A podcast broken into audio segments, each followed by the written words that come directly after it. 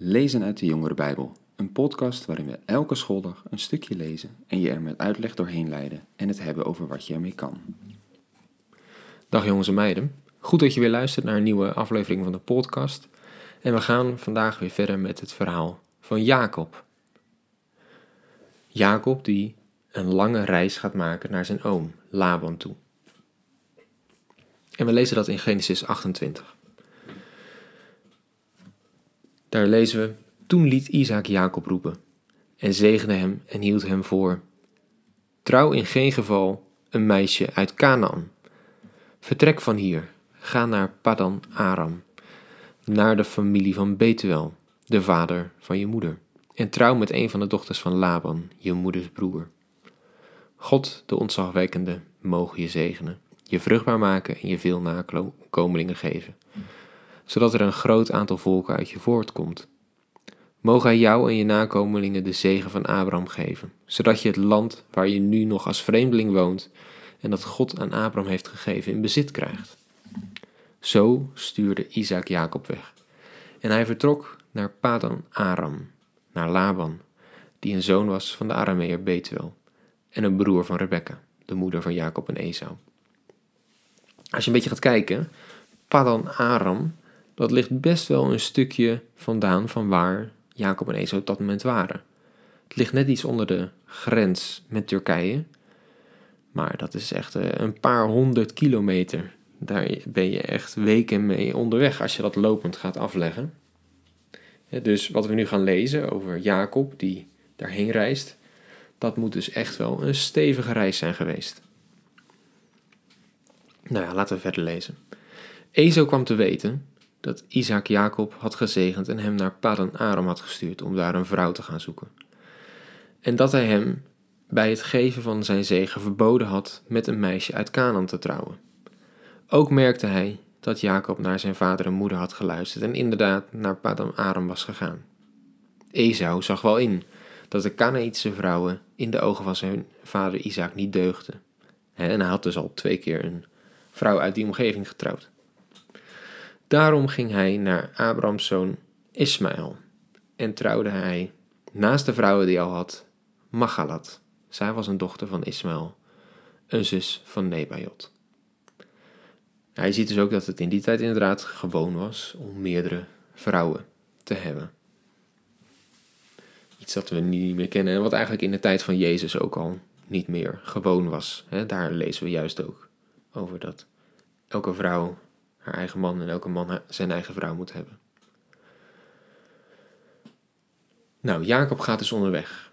Daar lezen we over. Jacob verliet dus Beersheba en ging op weg naar Garan.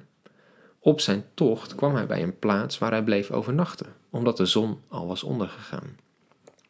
Hij pakte een van de stenen die daar lagen, legde die onder zijn hoofd en ging op die plaats liggen slapen. Toen kreeg hij een droom. Hij zag een ladder die op de aarde stond en helemaal tot de hemel reikte.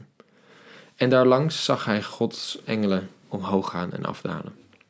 Ook zag hij de Heer bij zich staan, die zei: Ik ben de Heer, de God van je voorvader Abraham en de God van Isaac.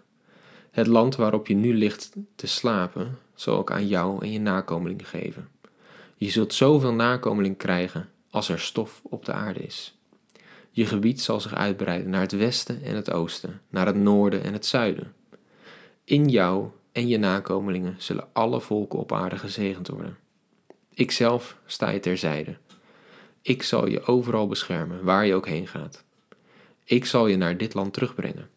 Ik zal je niet laten, niet alleen laten, tot ik gedaan heb wat ik je heb beloofd. Toen werd Jacob wakker dit is zeker, zei hij, op de plaats, op deze plaats is de Heer aanwezig. Dat besefte ik niet. En eerbied vervulde hem. Wat een onzagwekkende plaats is dit, zei hij. Dit is niets anders dan het huis van God. Dit moet de poort van de hemel zijn. De volgende morgen vroeg zette Jacob de steen die hij als hoofdsteen had gebruikt rechtop. En hij wijde hem door er olie over uit te gieten. En hij gaf de naam de plaats de naam Bethel.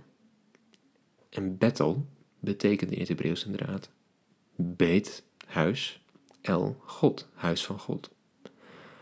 maar voordien heette die stad Lus. En hij legt een gelofte af. Als God mij terzijde staat en mij op deze reis beschermt, als Hij mij brood te eten geeft en kleren aan mijn lichaam, en als ik veilig terugkom bij mijn verwanten, dan zal de Heer mijn God zijn. De steen die ik gewijd heb, zal dan een huis van God worden. En ik beloof dat ik u dan een tiende deel zal afstaan van alles wat u mij geeft.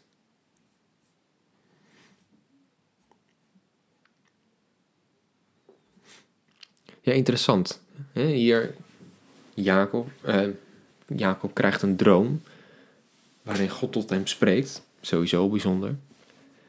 En dan zegt hij, wat een bijzonder uh, land is dit. Dit is, dit moet de poort naar de hemel zijn.